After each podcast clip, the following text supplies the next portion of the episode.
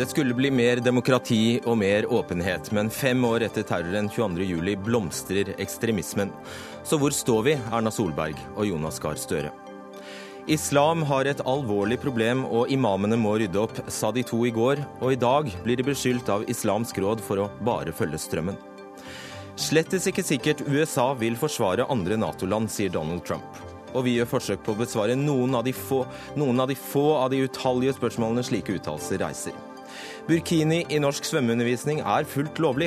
Betyr det 1-0 til politisk islam, eller 1-0 til religionsfriheten?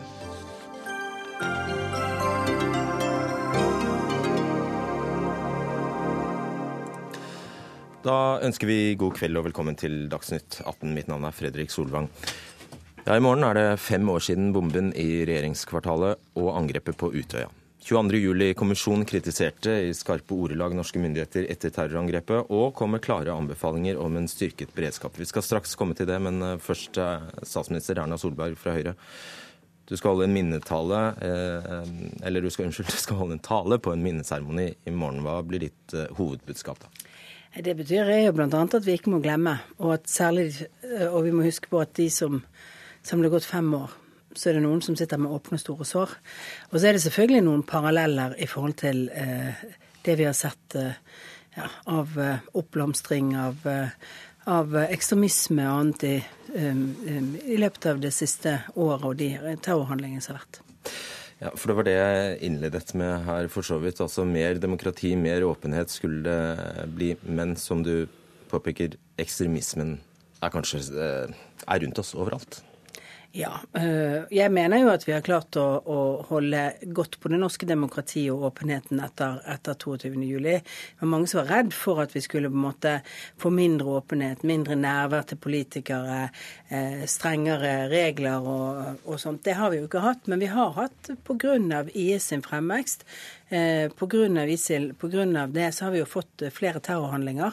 Eh, vi har fått nye debatter pga. det og flyktningsituasjonen i Europa, som har vært tøffere enn det enn kanskje vi hadde hatt på mange år etter 22.07. Jonas Gahr Støre, leder i Arbeiderpartiet. Hva er din analyse? En mer polarisert, mer utrygg verden? Ja, folk opplever større utrygghet. Og det er jo et veldig alvor som må sige inn over oss. Vi minnes om når vi reiser til Utøya i morgen og regjeringskvartalet, at andre mennesker lever med denne terroren intenst. Og det er jo en påminnelse om at den må bekjempes. Så mener jeg at uh, dagen i morgen er til for de som bærer nå uh, den tyngste bør og har uh, åpne sår. Fem år er lenge, men det er også veldig kort for mange som lever med det. Så vil jeg også legge til at vi får jo sånne spørsmål nyttet ikke den debatten som kom etter 22. Eh, og jeg skjønner godt at den debatten kommer når man ser holdninger på nettet, eh, at det begås terror andre steder. Men jeg opplever også et håp når jeg kommer til Utøya. Eh, nemlig at ungdom ser framover. De vil framover, de vil ta oppgjør. Og derfor så må vi også ha den undertonen at dette må kjempes igjen og igjen og igjen. Det holder ikke å holde én tale og én demonstrasjon og ett rostog. Vi må leve med det. Mm. Så til beredskapen. Og la oss ta dette kan kalle det evinnelige beredskapssenteret først, Erna Solberg. Du sa til VG for eh, ti dager siden at beredskapssenteret har vært et mareritt for oss, og da mener du regjeringen mareritt? Altså Fordi vi alle ønsket oss å bygge et beredskapssenter raskt. Eh, først har jeg lyst til å bare slå fast at jeg mener at beredskapen er mye bedre i dag. På de hullene vi så 22.07, og som 22.07-kommisjonen dokumenterte. Det skjedde forbedringer under forrige regjering, det har skjedd forbedringer under denne regjeringen. Vi har tatt på alvor de oppgavene. Så det er noen saker som gjenstår som er ikke fullt ferdig. Og beredskapssenteret tar lengre tid fordi vi begynte på en tomt som var feil. Og eh, vi, eh, vi, begynte jo å planlegge for alternative tomter mens vi fortsatte å jobbe med denne, for vi var redd for at det skulle være riktig. De, eh, de advarslene vi etter hvert fikk når vi kom i regjeringskontorene om at det ikke var mulig å realisere på den tomten. Og hvor mye tror du det har forsinket hele prosessen, at dere holdt tak i denne planen om denne gale tomta da på Alna? Nei, altså Mye av det vi har gjort på Alna kan overføres av, av, eh, til andre tomter. Men det tar nok et år eller to lengre enn det ville ellers ha tatt på å få det ferdig. Men, men eh, det er jo litt et spørsmål om hvor fort og hvor raskt vi klarer å regulere ferdig det andre. Og I VG så forteller du litt uh, skyld, og du peker på han ved siden av deg. Altså Jeg har objektivt sagt at grunnen til at man, når man valgte den tomten, så gjorde man ikke de forundersøkelsene og de konseptvalgstudiene som man skulle ha gjort på det tidspunktet i den vanlige. Det gjorde jo at man eh, For det, og det skjønner jeg veldig godt, det ønsket man hadde om å se dette raskt ferdig, så ønsket man å kutte noen hjørner. Det viste seg at tomten var for liten. Da får man ikke plass fordi man ikke hadde dimensjonert og bestemt seg for hva skal inn i dette senteret på en god nok måte. Og det, det gjør jo at vi nå bruker litt lengre tid. Tar du det ansvaret?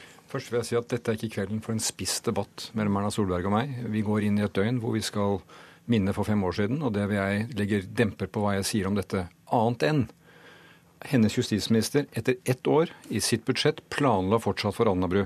Og hvis en regjering kommer til at ikke det går, så vil Arbeiderpartiet si ja, la oss finne et annet sted, være samarbeidsvillig med det. Nå sier Anders Anundsen kanskje i 2021. Han kan ha gode grunner for det, men stor gjennomføringskraft vinner iallfall ikke om.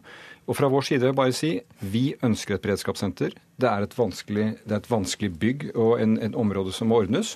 Og regjeringen kan regne med all mulig støtte for at det skal gå bra. Men det tar tid, og jeg tror folk har litt vanskelig for å forstå at det skal ta så lang tid. Pakke det inn litt vennligere, øh, vennligere vendinger, da, Støre, når øh, du egentlig blir skyldt her av øh, Solberg for å ha, for, ha hatt for mye, eller dere for å ha hatt for mye hastverk og hoppet over disse to Nå syns jeg jeg hørte Erna Solberg litt andre toner. og Det var jo fordi at altså, Gjørv-kommisjonen kom, og man jobbet. Vi hadde, altså Nå har denne regjeringen hatt lengre tid med dette enn det vi hadde etter 22.07. og etter at Gjørv-kommisjonen kom. Men dette er jo et tema som man tar tak i, hastebehandler fordi det haster. Og så må man da ha øh, ryddighet til å lære underveis hvis det kommer opp informasjon som gjør at man må korrigere kursen. Ja, Så førte det til mange års forsinkelse? Ja, og det gjør det. Og, og nå har det gått tre år uten at noe er skjedd. Slik at, øh, ja, men På dette feltet så vil jeg bare si at det står ikke noe, noe beredskapssenter verken på Alnabru eller annet sted. Men nå tror jeg på dette temaet er folk egentlig blir fortvilet om vi skal drive og diskutere skyld. Vi trenger det beredskapssenteret, og alle tiltak som kan gjøre beredskapen bedre, er bra. Og jeg, jeg mener at her må, her må, jo da regjeringen være kritisk med seg selv for å se er vi gode nok uh, langs hele den skalaen, både som Gjørv-kommisjonen kartla, og det vi har erfart ellers. Ikke sant, Erna Solberg, Det store spørsmålet er fremdeles er sikkerheten Kan du kan du garantere at sikkerheten, beredskapen, er bedre i dag enn den var for fem år siden? Ja da, det er den. Og den ble bedre under forrige regjering, og den er bedre, blitt enda bedre under denne regjeringen. Vi har gjort tiltak under begge regjeringene for å fylle de hullene som, som, som ble dokumentert. Eh, så er det sånn at det kommer aldri til å skje en helt lik krise. Og det, en, eh, det, det, er jo alltid det, det er aldri den samme krigen som kommer. Det er alltid en annen type krise som dukker opp, og en annen, annet angrep som kan skje. Og, det vet er at vi ville reagere raskere i dag. Vi ville være raskere til stede. Politiet er bedre trent, bedre forberedt. Vi har beredskapstider som er lavere. Vi har bedre operasjonssentraler. Masse av de tingene som er påpekt, er det jo nå gjort noe med. Men det som er veldig viktig at vi passer på, det er at vi ikke blir selvgode eller selvtilfredse på det. For det at vi vet vi må alltid jobbe med hvilken annen måte kan dette skje på. Og har vi planlagt for det som kan være den neste typen angrepet. Derfor er det så viktig også at vi jobber med alle andre typer eh, samarbeid og etterretningstjenester og sikkerhetstjenester i andre land lærer av hverandre for å få frem operasjonsmønstrene som er der. Fordi vi vet at selv om 22.07 var var gjort av en person som, som, kom fra vårt samfunn, ikke hadde noe tilknytning til noen internasjonale ekstreme bevegelser, eller noe sånt, så finner man ofte inspirasjon i de tingene som har skjedd andre steder. Og man, man lærer av grepene, og at det kan overføres. Så det er viktig at vi lærer av hverandre. Og det andre jeg har lyst til å si som er viktig, det er at vi jobber med det forebyggende arbeidet i Norge. Og det mener jeg at vi har tatt godt tak i nå. Og det er viktig at vi ikke gir slipp på det. det akkurat nå så ser det ut som det er mindre rekruttering til fremmedkrigere. Mange av disse nettverkene er brutt mer opp i Norge. PST har flere saker som går for retten. Men vi er nødt til å ikke hvile på det arbeidet som gjøres rundt omkring i kommunene, gjøres i samarbeid med politiet. De stillingene vi har opprettet for å gjøre det forebyggende samarbeidet i politiet, det er viktige arbeid for både å forhindre en fundamentalisme ekstremisme som kommer utenfra, med grobunn inn i Norge, men også det som er motsvaret, som vi ser mye i debatten nå, mer høyreekstrem, eh, med høyreekstrem retorikk og mer høyreekstreme eh, ja, handlinger kanskje i fremtiden. Søre, Støre, altså din partikollega og tidligere leder for støttegruppa etter 22.07, Trond Henry Blattmann, er veldig uenig med Erna Solberg og sier i et intervju med Dagsavisen at han ser minimal oppfølging av Gjørv-kommisjonen. Nevner en rekke konkrete eksempler på det han mener er da rett og slett dårlig, dårlig oppfølging. Har, jeg regner med du har lest dette intervjuet. Hvem, hvem støtter du? Jeg støtter at man lytter til Blattmann. fordi han har vært leder av støttegruppa. Han er jo selvfølgelig veldig berørt etter å ha mistet et barn på Utøya. Og man bør, man bør, lytte til det han har å si. Så får jo myndighetene svare på den kritikken og si om de er enig eller uenig i den. Jeg syns jo det er bra at samfunnet følger med på beredskapen. Hvis de ser ting som det er mangler ved, så bør de også påpeke det. Hvis han har rett, så, så, så er det faktisk slik at samarbeidet direktorat, mellom direktorat og departement har blitt dårligere eh, enn en, ja, før 22.07. Men jeg mener at uh, justisministeren sier at det var et partipolitisk svar. Jeg kjenner Blattmann som en meget sindig person. Han har ledet støttegruppa. Jeg syns det er en uklok måte å svare på. Ta sak etter sak og svar det ut. Og Vi er jo enige om at vi skal ha debatt om disse tingene. og Dette er altså en person som har i dobbelt forstand vært berørt. Han er pårørende, og han har ledet støttegruppa, Han har fulgt med eh, mer enn folk flest. Så Da får man ta punkt etter punkt og så si om man er enig eller uenig. Og det at vi har en våken befolkning til å følge med på beredskap, det tror jeg er en av styrkene i, i vårt samfunn. Og et av de punktene er f.eks. at han hevder forsvaret, avtalen mellom Forsvaret og politiet overhodet ikke fungerer. Det er helt feil. Den fungerer glimrende, og den har vi jo prøvd i, i situasjoner eh, sommeren 2014 prøvde vi jo en situasjon hvor det var en terrortrussel mot Norge. Hvor man altså gikk gjennom alle beredskapsplanene, hvor man, hvor man reagerte på de, eh, og det fungerte. Gemini? Eh, nei, dette var den reelle bered... Okay. Dette var trusselen vi hadde sommeren 2014. Og det var en konkret altså, terrortrussel rettet mot Norge. Vi så at, at disse linjene Vi har jo forandret måten under denne regjeringen på hvordan vi håndterer denne typen beredskap. Man får lov til å gjøre ting, og så får man etterpå tilgivelse for det. hvis man har gjort det. Sant? Man har fått mye raskere beslutninger. Så dette er jeg grunnleggende uenig om, og, og jeg vet ikke hvor han skulle ha informasjonen sin fra. Eh, så til disse politi, berømte politihelikoptrene som også lar vente på seg. Og Der eh, tilkjennegir du i VG-intervjuet at det er rett og slett en nedprioritert sak? Ja, vi har prioritert andre helikoptre høyere nå. Vi har, sørg, vi har, vi har sørget for at Forsvarets, politi, eh, Forsvarets helikopter står på kortere beredskapstid. Det koster ganske mye penger at vi har de på én times beredskap istedenfor på to timers beredskap før.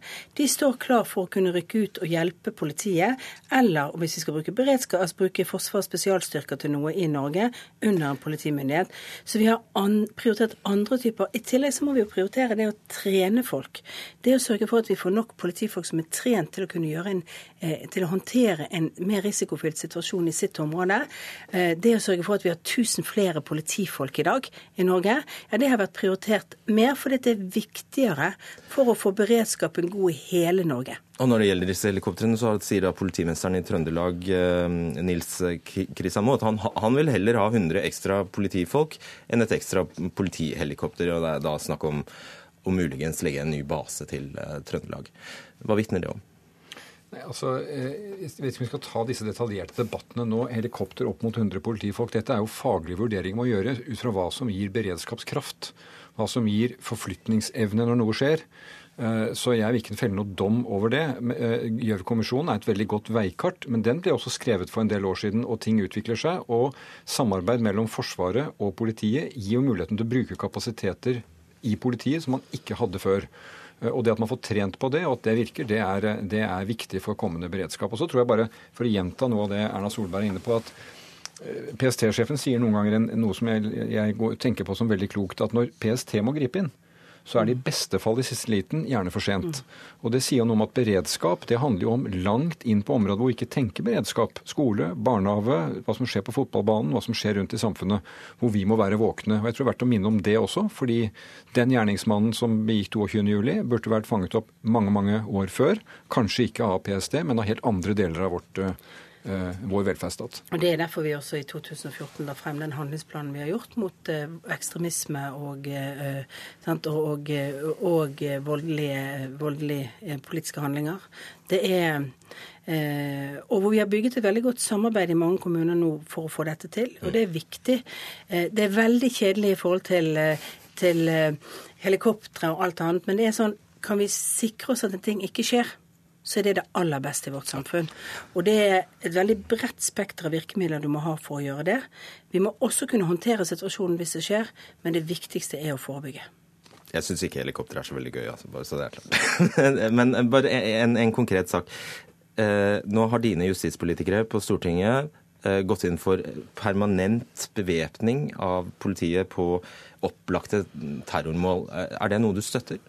Altså Jeg mener at det er en veldig viktig debatt å ta. Også, eh, og det er, vil alltid være områder hvor vi bør kanskje se at der, her er det for langt i tilfelle en krisesituasjon til å hente på, eh, hvis du er ute på patrulje med en bil, så er du i bilen. Der er våpenet ditt i dag. Det er fremskrutt på en måte lagring av, av, eh, av våpen.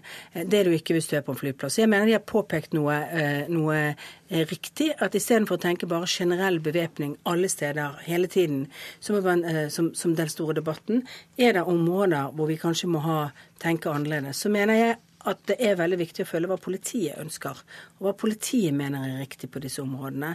Det har vært grunnlaget for det regjeringen har gjort så langt. Vi hadde bevæpning et helt år i Norge, nesten, på, på grunnlag av den vurderingen som ble gjort pga. terrortruslene. Har dere rukket å tenke over det? Nei, men vi har jo bedt om at vi må få kunnskap om det, eh, og, hva som virker. Og jeg tror at Norge har hatt eh, interesse av å ikke ha bevæpnet politi alle steder, men at det må gjøres basert på erfaring for å ta vare på sikkerhet og beredskap. Det er det som må være det viktigste. Mm. Ok, eh, jeg tror vi setter strekk for den runden der, men dere blir sittende, for vi skal snakke mer med dere.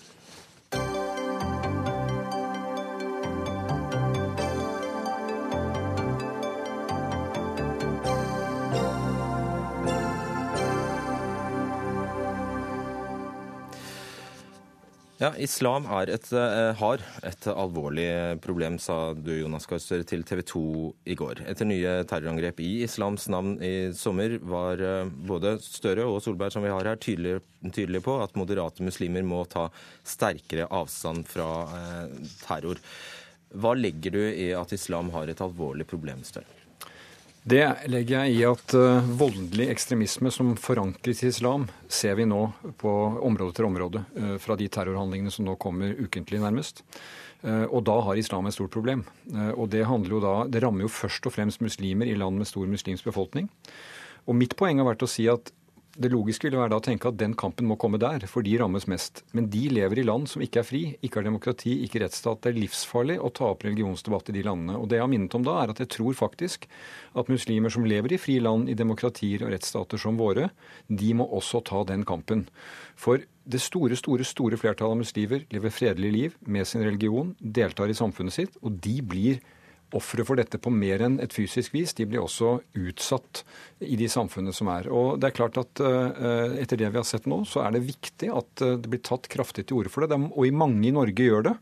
Men jeg tror det er verdt å si fra om det at uh, flere ledere bør gjøre det. Ikke bare for viktig for vår debatt, men også for det som er den internasjonale debatten om hvor den religionen går. For dette kan bli veldig alvorlig om det fortsetter å bli misbrukt og brukt på den måten som det gjøres nå av ekstremister. Og du lot deg også intervjue av TV 2 i går, Erna Solberg, og sa noe sånt som at moderate muslimske ledere må ta større avstand fra ekstremisme. Og da lurer jeg på, Hvilke muslimske ledere er det du tenker på da? På det første så sa jeg mye mer enn det som ble på en veldig dårlig linje fra, fra New York sånn og formidlet. og jeg sa at mange moderate, særlig annengenerasjons eh, muslimer, tar i dag en veldig viktig diskusjon og kamp. Og det syns jeg vi skal sette pris på. For det er mange stemmer i Norge som jobber mot ekstremismen, som jobber for at islam skal Altså at de kreftene i islam som ønsker å kunne leve side om side med våre samfunn, kunne utøve sin religion og, og delta i vårt demokrati, det er faktisk eh, viktig. De stemmene gjør en god jobb. Men det er klart jeg hadde ønsket noe enda mer av de muslimske lederne i Norge eh, til å jobbe tydeligere i dette arbeidet mot ekstremisme. Som f.eks.? Hvem? Nei, Det er jo f.eks. om det er, om det er eh, de valgte lederne. Ja, om det er Islamsk råd, eller om det er Men jeg, jeg tror kanskje de aller viktigste, det er de som står og holder fredagsbønnen i en moské, og som, som, som når direkte gjennom det til taler eh, til. Eh, og det betyr at eh, veldig mange av de religiøse måte, forstanderne og religiøse lederne bør ta et ansvar. Mm. Jeg vet at det er mange som gjør det, men det er viktig, men det er viktig å si det må også synes, tror jeg, utad.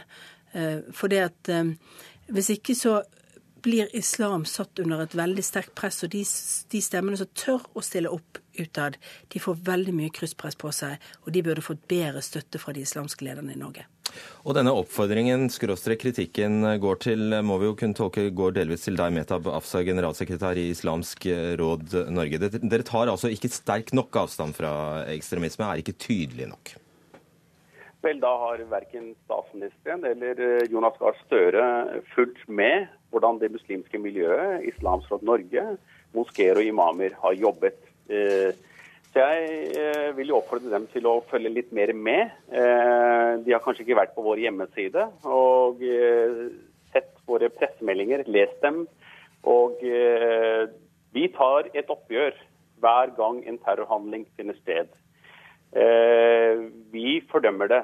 Eh, og det eh, mener jeg vil være urimelig og direkte feil å si at Islamsk Norge eller muslimske ledere ikke jobber nok med.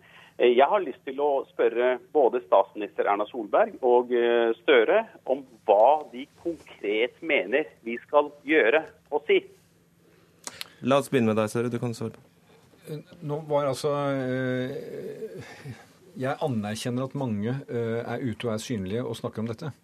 Men jeg tror kanskje at hjemmesider og pressemeldinger ikke er nok eh, for å være til stede i den samfunnsdebatten som er. Og når jeg er urolig for dette, så er det jo også på vegne av da det store store flertallet som lever fredelig og vil leve i fred med sin religion.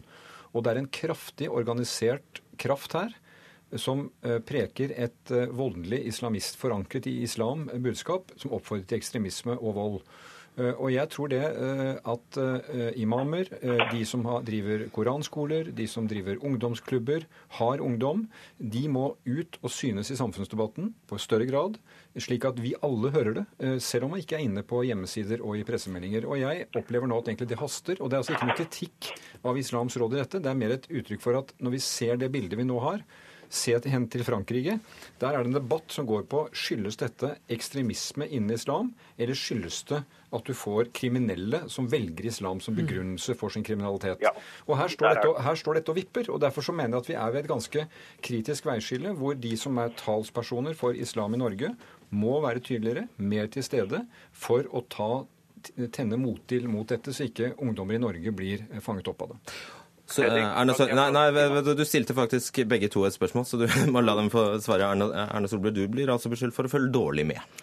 Ja, jeg tror jeg følger ganske godt med og har ganske god kontakt. Og jeg vet at det er mange som tar opp og tar avstand fra de enkelte terrorhandlingene. Men det vi vet om, om eh, rekrutteringen til ekstremistbevegelser, det at det skjer ikke i Norge, har det ikke skjedd så langt PST har gjennom, gjennom eh, moskeer eller den typen eh, samlinger. Det har stort sett vært gjennom internett. Eh, gjennom andre. Men det som er viktig, er jo at man, at man jobber i det lange med å, å altså jobber mot ekstremismens tankegods. Ikke bare ved å ta avstand fra en, en aktuell terrorhandling, men rett og slett den verdikampen som foregår innenfor islam. Og den kan ikke vi gjøre. Vi er altså, Verken politiske myndigheter kan gå inn i en religiøs diskusjon om det religiøse grunnlaget for, for en ulik type religion. Jeg tror heller ikke vi ville nådd frem i dette.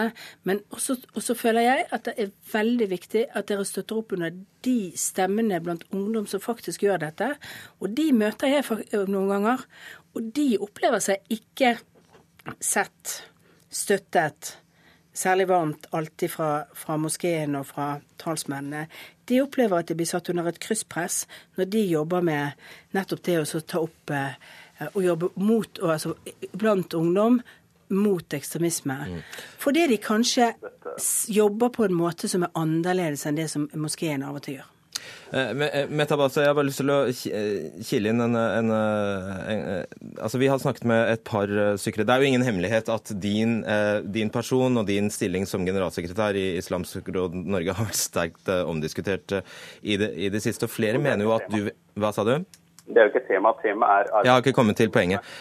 Flere, flere, mener jo da at ved, ved, å reagere på den måten du gjør nå, nettopp gjør det du pleier å gjøre, nemlig å gå automatisk i forsvar og ikke lytte til den, de innsigelsene eller den kritikken som kommer. Kan du, kan du, se at det er et poeng?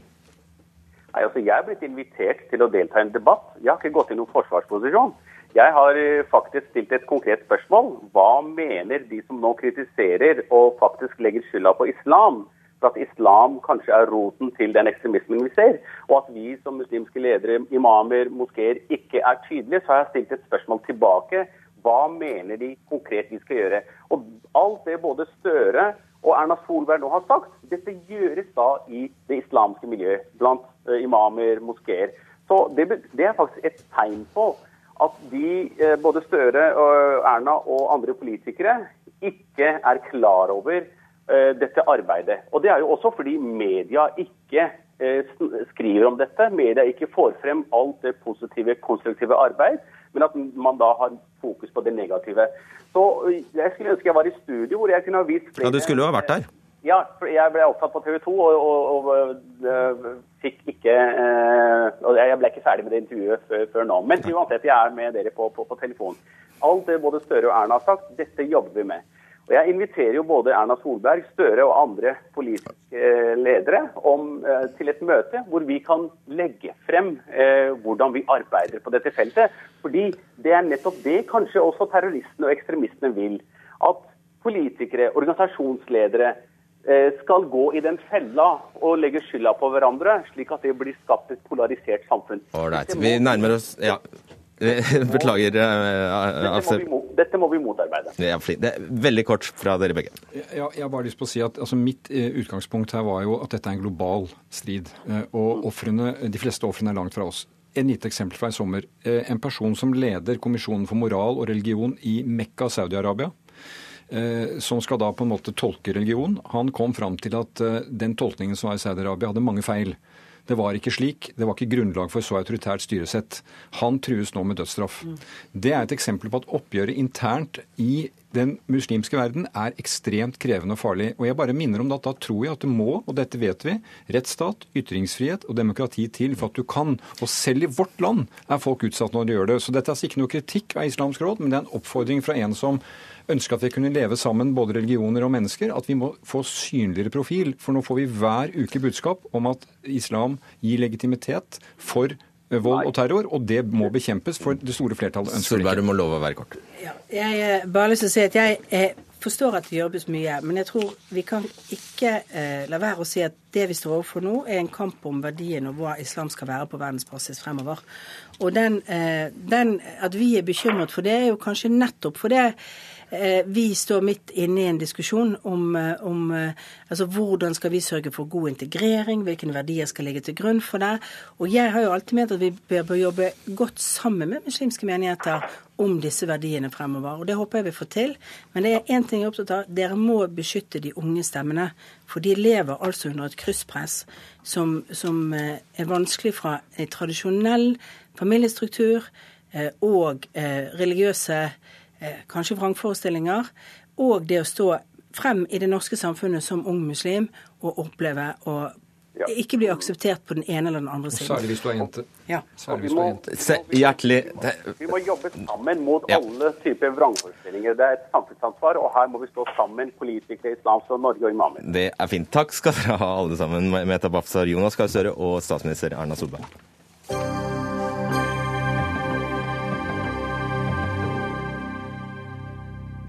Det er ingen selvfølge at USA vil komme de andre 27 Nato-landene til unnsetning i tilfelle krig.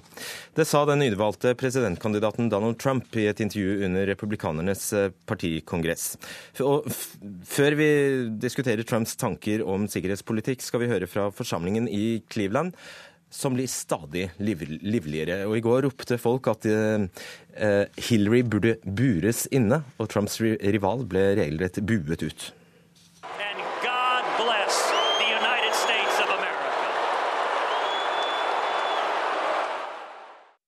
Ja, Tove Bjørgaas, eh, USA-korrespondent, du var til stede da dette skjedde. Hvordan opplevde du talen til Ted Cruz, som altså eh, er en slagen mann? Nei, Det var veldig interessant, fordi han begynte med å snakke om eh, at han gratulerte Donald Trump med nominasjonen, og så snakket han om alle de viktige tingene han syns er viktige i dette valget, om å bygge broer. Og så ventet og ventet og ventet salen på at han skulle si 'jeg støtter Donald Trump', men ja. Men de ble mer og mer utålmodige, og så begynte de å rope 'si navnet hans', si navnet hans. Eh, og så gikk de helt, så, helt berserk. Og kona til Cruise hun måtte faktisk eskorteres eh, bort fra dette gulvet hvor jeg står nå, eh, fordi at ja, det var frykt for at noen ville komme til å angripe henne. Så han sa aldri de utløsende ordene, men kan det faktisk være Kan det faktisk hende Cruise og andre motstandere av Trump egentlig håper han taper valget? Ted Cruz han har andre planer. Han ser mot 2020, han. Eh, og jeg tror nok en del av dem som virkelig ikke liker Trump, og han er en av dem, eh, håper, at, håper i det stille at dette her valget taper republikanerne, men at de kan klare å holde noen flertall i Senatet f.eks., og at de så kan komme tilbake om fire år etter at Hillary Clinton har eh, mislyktes og kanskje blitt upopulær. Eh, så, så, så, så, splittet er dette partiet blitt eh, nå. Og Apropos Hillary Clinton. Eh, forsamlingen ropte altså 'bur henne inne'. Hvordan vil hun kunne utnytte eller benytte det? Det er klart, Retorikken her er helt fullstendig usaklig. Eh, bur henne inne, roper de altså fra salen hver kveld. Og i går var det altså en eh, uoffisiell rådgiver av Trump som sa at han mener Hillary Clinton bør, bør henrettes ved skyting. Eh, det, den eh, utsagnet skal nå undersøkes og etterforskes. Men det er jo ikke slik man oppfører seg. Og Hillary Clinton er vant til å ta harde ting, men det er klart vi kommer til å få se henne utnytte dette til fulle på sitt eh, landsmøte neste uke og framstå som den ansvarlige kandidaten. Som ikke minst i utenrikspolitikken og i den situasjonen USA står i nå, med de første to terrorangrepene på amerikansk jord etter 9-11, hvor mange mennesker er blitt drept, eh, trenger en ansvarlig utenrikspolitiker som president. Ja, og Hun skal altså snart eh, utnevne sin visepresidentkandidat. Så til dette intervjuet Donald Trump har gjort med The New York eh, Times. Her står han altså tvil om USA kommer til å hjelpe andre Nato-land i fremtiden. Hva er det han har sagt, egentlig? Han har sagt at han ikke kan garantere at USA vil hjelpe f.eks. de baltiske landene dersom de skulle bli angrepet.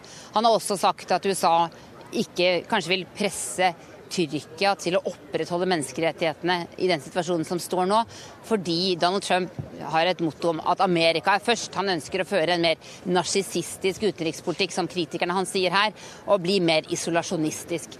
Dette er jo toner som ikke ikke faller i god jord i deler av, av, dette partiet, hvor presidenten ofte er mer aktivistisk i utenrikspolitikken enn det demokratiske presidenter er. Og den voldsomme kritikken mot president Obamas utenrikspolitikk har jo nettopp gått på at han ikke har engasjert seg nok.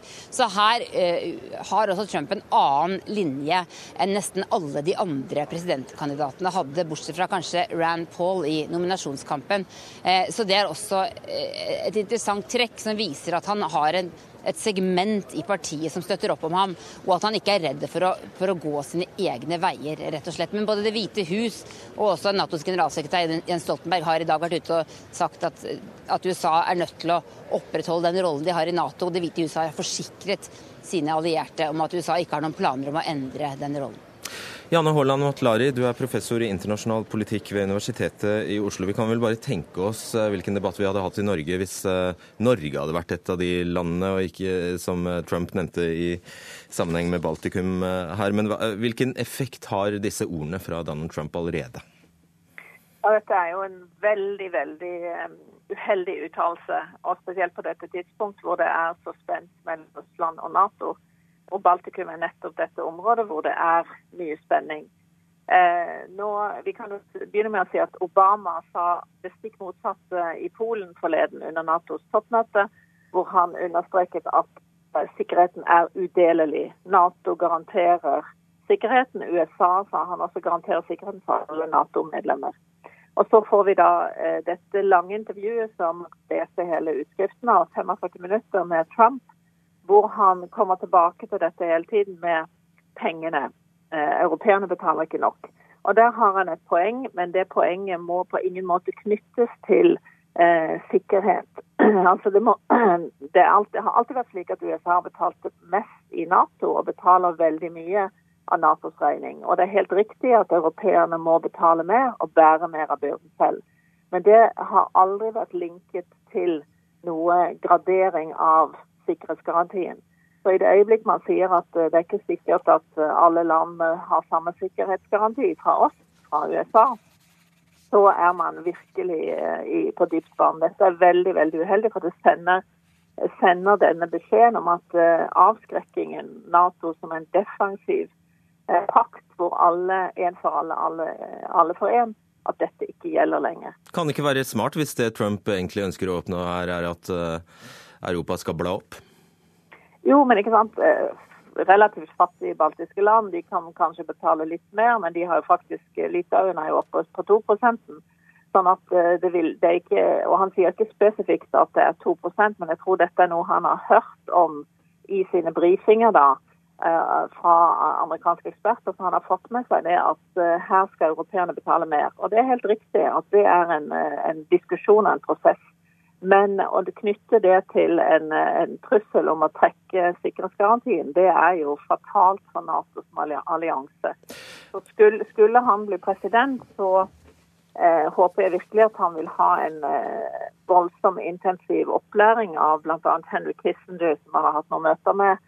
Eh, for, fordi det er veldig tydelig i dette intervjuet at her kan han ingenting om sikkerhetspolitikk. Han kan, han forstår ikke at dette er en annen type logikk enn en handels, uh, handelsforhandling. Hva tror du? Er det bare ord, eller er, det, er, er han troende til å gjennomføre, og har han mulighet for å gjennomføre noe sånt?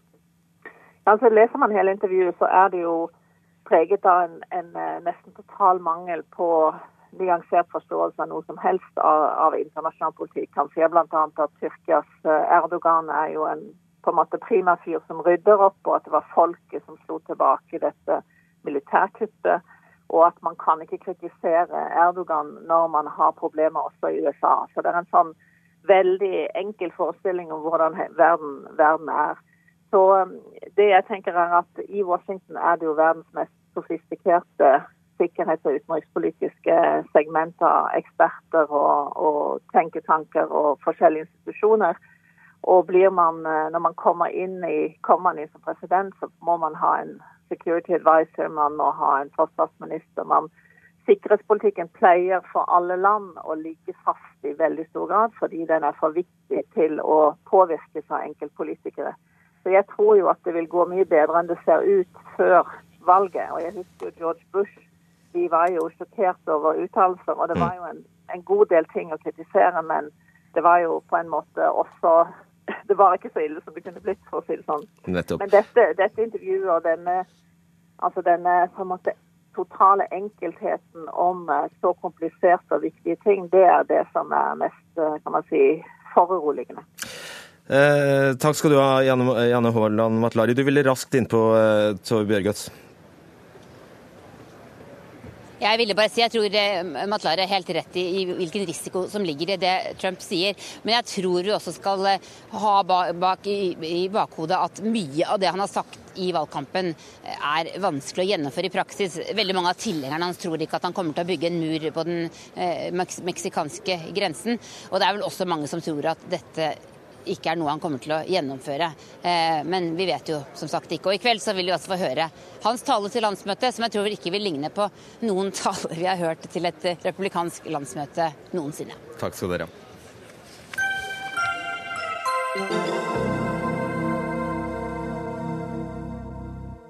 En av ti kvinner drikker noe alkohol under svangerskapet, viser en spørreundersøkelse av TNS Gallup som er gjort for Aktis, rusfeltets samarbeidsorgan. Flere forskningsartikler og metastudier har sett på hvordan alkoholinntak eh, påvirker barnet, og ut ifra disse studiene har et lite glass i ny og ne ingen merkbar effekt på barnet. Likevel beholder Helsedirektoratet sin anbefaling om ikke å drikke i det hele tatt under eh, svangerskapet. Og dette har du bemerket deg, Jan Arild Snoen, kommentator og skribent i eh, Minerva. Faktisk beskylder du direktoratet, Helsedirektoratet for å jukse med fremstillingen om forskningen på dette feltet. Ja, Det var en gjennomgang jeg gjorde i 2010. Ja, Det skulle du ikke si. Men... En rapport fra 2005, så det er nå for så vidt litt under. Eh, muligens så er det bedre nå. Men poenget er jo da, som du sier også, at eh, hvis du går gjennom forskningen på dette, så vil du se at det meste av det finner ikke noe Eh, negativ effekt. Og Så er det noen studier, som det alltid, nesten alltid er i forskningen, som finner noe. På den annen side så er det også noen studier som sier at det tryggeste er å drikke litt. Altså at det er eh, større fare for eh, fosteret hvis du er avholds. Så du kan ikke bruke føre var-prinsippet for å si at vi må være på den sikre siden. Det kan godt hende at å være på den sikre siden er å ta et glass, men ikke tre.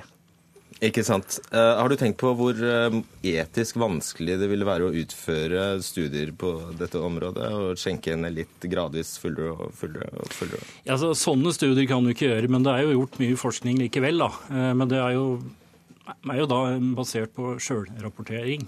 Så det er i all sånn forskning så finnes det feil kilder. Henriette Øyen, avdelingsdirektør i Helsedirektoratet.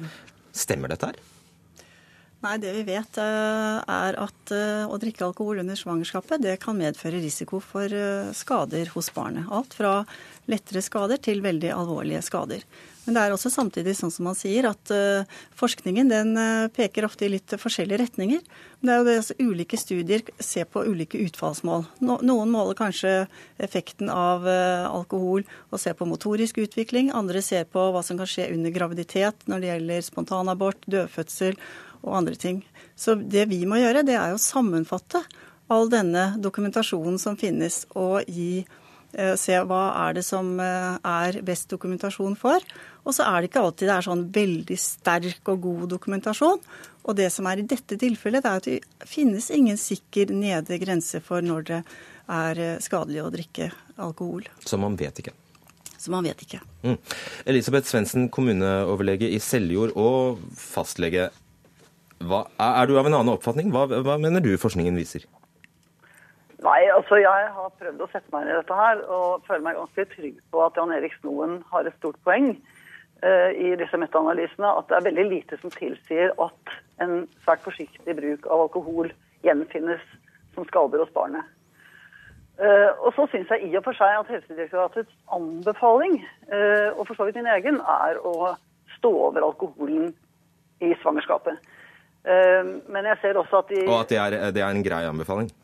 Ja, det er på en måte en grei hovedregel. Eh, nettopp ut fra en sånn eh, tanke om føre var. Men det som er vanskelig, det er at Helsedirektoratet går veldig langt i å anlegge en slags moralistisk tilnærming, og også, syns jeg, skyver skyve forskningen foran seg ved at de ikke nyanserer dette. De skiller bare mellom totalavholdende kvinner, altså gravide, og alkoholbrukere. Og det er jo ikke sånn det er de aller, aller fleste som eventuelt tar seg et glass i svangerskapet, tar seg nettopp et glass i svangerskapet.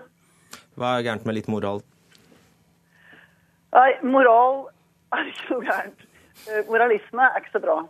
Fordi at, eh, Og særlig ikke når moralisme eh, blandes på en måte med vitenskap. Altså Vitenskapen kan bare svare på hva som er sant. Og det er sannsynligvis sant at det ikke er veldig skadelig. Når jeg sier at det er lurt å antagelig holde seg til en slags totalavholdsregime, så er det fordi at jeg tror det er hensiktsmessig som råd til gruppen som helhet. Altså at de som hører at det er greit å ta seg et glass, kan være de som kanskje har et alkoholproblem, og sånn sett henter legitimitet i det. Ja. Men jeg liker ikke Helsedirektoratets tilnærming, fordi at de nå har lagt seg på en mye mer aktiv linje. Altså De screener jo nå, eller vil screene alle gravide. Ikke bare de drikker i svangerskapet, men de har mandat til også å spørre hver eneste gravid kvinne om hvor mye de drakk de siste månedene før. Og det syns jeg er helt ubetimelig. Nei, vi har ikke noe anbefaling om å skrine alle gravide for alkohol. Vi har hatt eh, noe pilotprosjekt, men vi skal nå i gang med å revidere retningslinjer for svangerskapsomsorgen. Og da skal vi gå nærmere inn i den problemstillingen. Så det har vi ikke tatt eh, stilling til. Ok, eh, En ting jeg er nysgjerrig på. Hva ville du sagt til en kvinne som sier hun tar seg et glass på en fest under svangerskapet? Hva, er, hva er ditt konkrete råd til henne?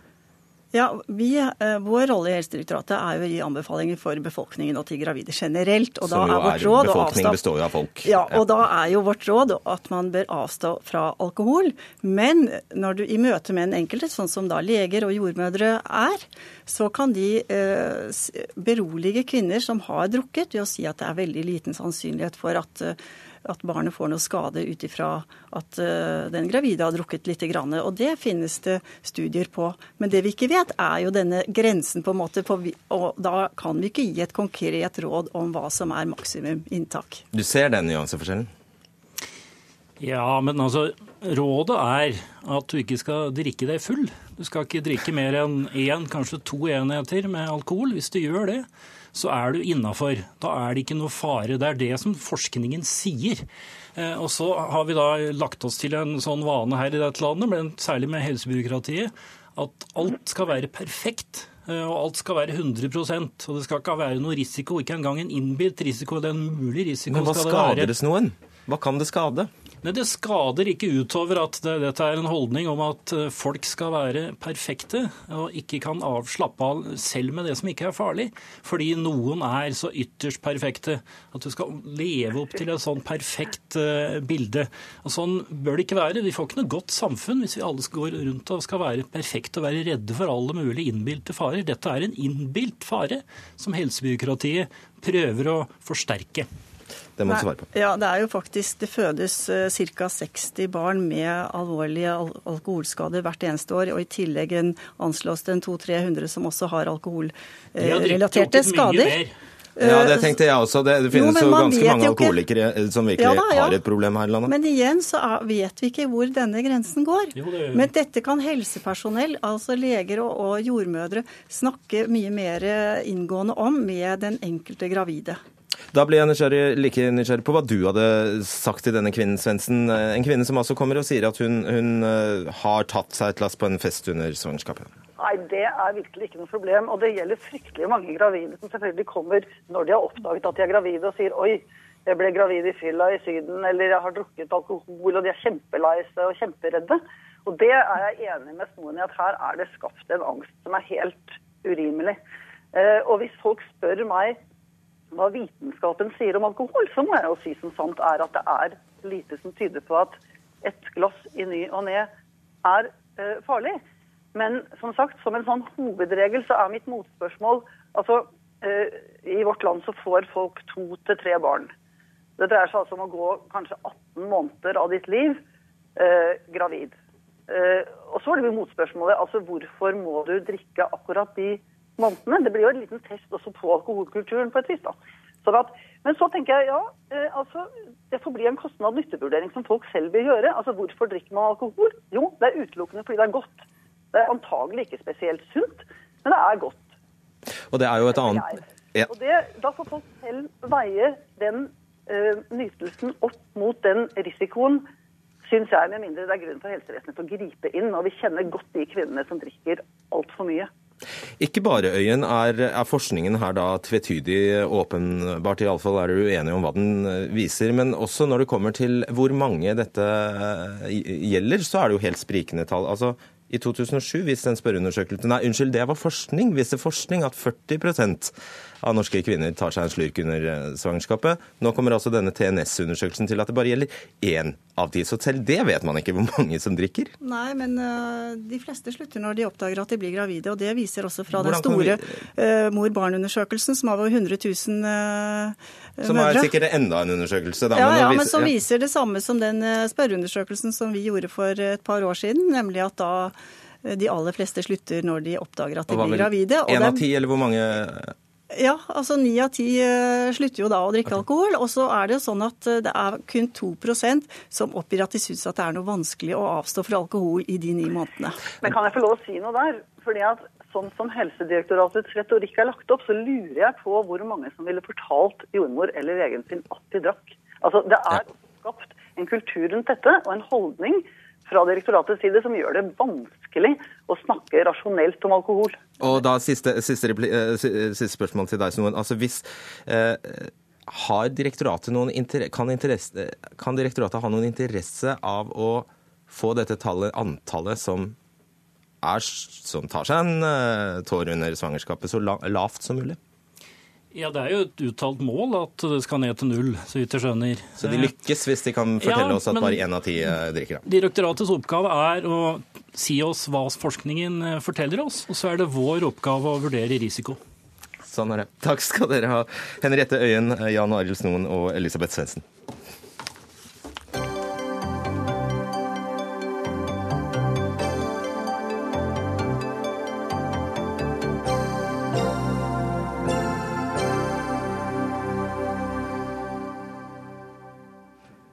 Debatten om burkini eh, i grunnskolen har herjet norske riksmedier denne uka. Burkini er altså et heldekkende badeplagg, eh, hovedsakelig forbeholdt muslimske kvinner. Og eh, dette har fått stor oppmerksomhet etter at en barneskole i Troms ble kritisert av bl.a. Frp for å tillate plagget i svømmeundervisningen. Og rektor ved skolen sier at han bare praktiserer norsk lov ved å tillate dette plagget. Så la oss, la oss bare få orden på det først som sist fungerende direktør i Utdanningsdirektoratets juridiske avdeling, Hilde Driskoll. Hva er lov, hva er ikke lov? Ja, I utgangspunktet så er det ikke lov til å forby religiøse plagg i skolen. Og vi tenker at da er det heller ikke adgang til å forby burkini. Hvordan kan du vite at burkini er et religiøst plagg? Det blir jo brukt av muslimske kvinner, som du sa, for å, for å kunne bade. da, For å være tilstrekkelig tildekket når de bader. Sånn som vi har forstått det. Og så enkelt er det? Sånn tenker vi, ja. Mm. Hva sier lov... Altså, vi har da utdanningsloven, så har vi rundskriv som følger av utdanningsloven. Så har du altså regelverk som skal, følges, som skal utstedes av kommunene til skolene. Mm. Vi har, opp, har opplæringsloven, som det heter, og så lager kommunene og skolene ordensreglement som regulerer plikter og rettigheter på skolen. Og vi mener, og det er kommet en uttalelse fra Lovavdelingen i Justisdepartementet, om at man kan ikke forby religiøse plagg. Og det er den vi hovedsakelig baserer oss på da, når vi sier det vi sier. Ja, for, ja nettopp. Så det finnes en, en, en annen kilde her også. Det, det dere støtter dere på Lovavdelingen. Eh, altså, men da, da, er det altså Lovavdelingen som har kommet til at disse plaggene heldekket Altså, eh, vi snakker da om hijab, nikab, burka eh, og eh, nå burkini, mm. er religiøse plagg. Ja. Som ikke, kan, altså, som ikke kan forbys, med unntak av kanskje de som dekker ansiktet. Ja, det vi mener er at plagg som er helt eller delvis dekkende for ansiktet, det kan man forby. Og det kommer jo av det at når lærere skal kommunisere med elevene sine, så er det greit å se ansiktet. Ellers så vanskeliggjør jo det kommunikasjon. Og eh, grunnen til uh, igjen at dere mener at fordi det er et religiøst plagg, så kan det ikke forbys, skriver seg fra altså Grunnloven rett og slett, og menneskerettighetsforpliktelsene, eller ja, hvordan er det? Ja, og den europeiske menneskerettighetskonvensjonen. Mm. Religionsfrihet, ja, religionsfrihet, rett og slett. Mm. Ålreit.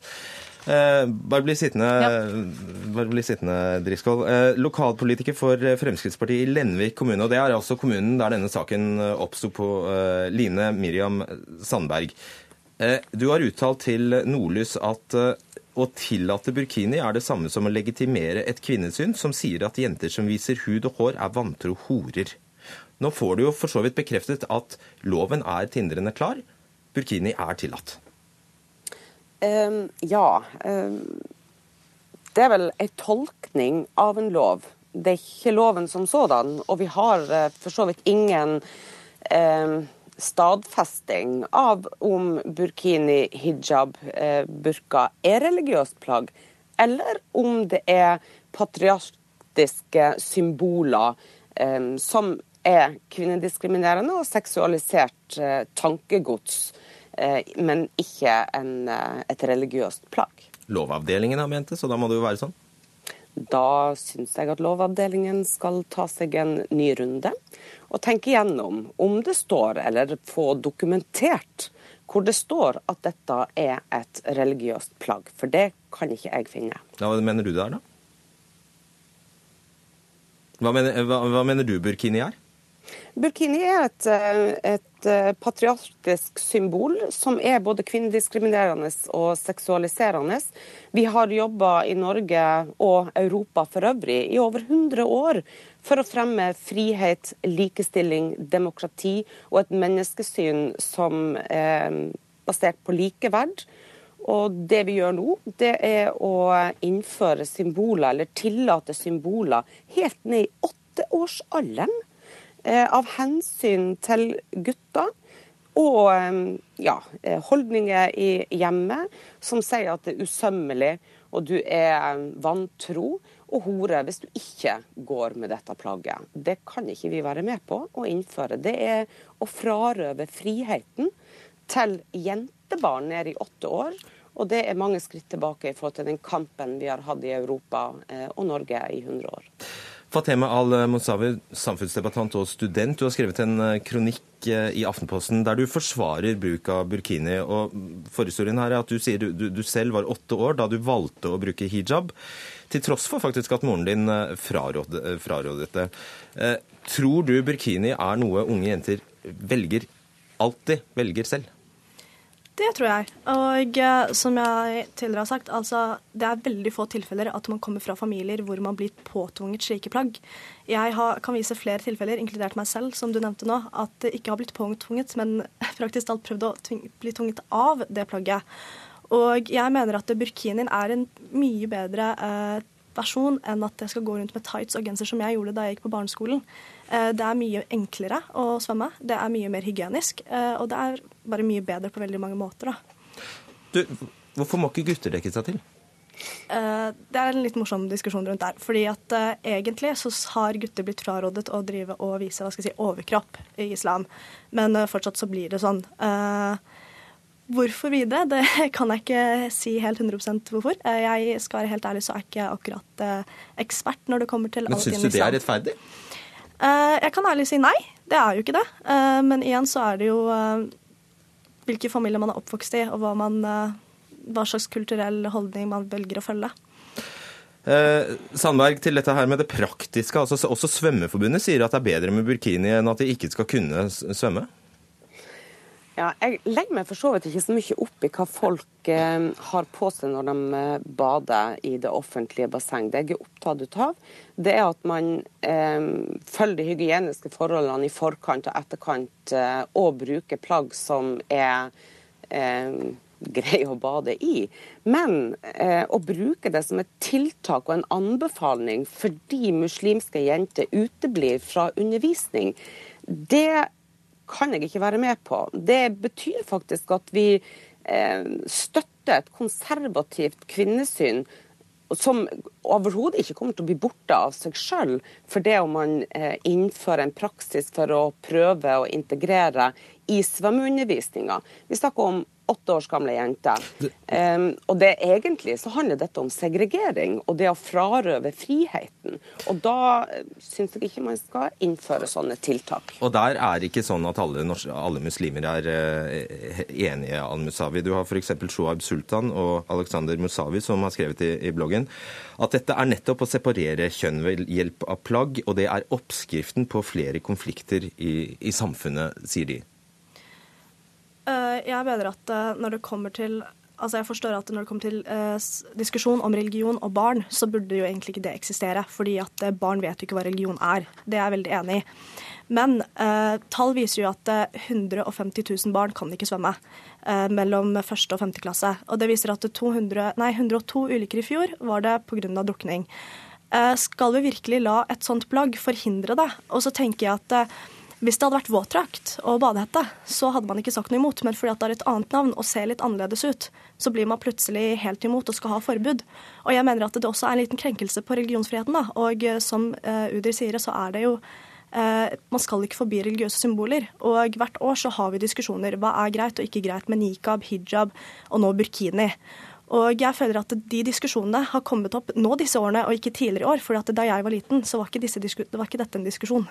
Og, og, og Sandberg, altså dette må vel, Når loven ser, ser, ut som den gjør, Lovavdelingen har gjort den vurderingen de har, og Utdanningsdirektoratet følger den praksisen det gjør, så er det lovendring som må til? Men jeg, jeg må spørre. Um, er burkini, nikab, hijab, burka et religiøst plagg som um, som, som, defineres som et religiøst plagg. Fordi at Det kan ikke jeg finne noen plass. Det er en tolkning, og det er et patriotisk, eh, patriotisk symbol. Men det står ikke definert noen plass. Det står at man skal kle seg sømmelig, og det gjelder både kvinner og menn.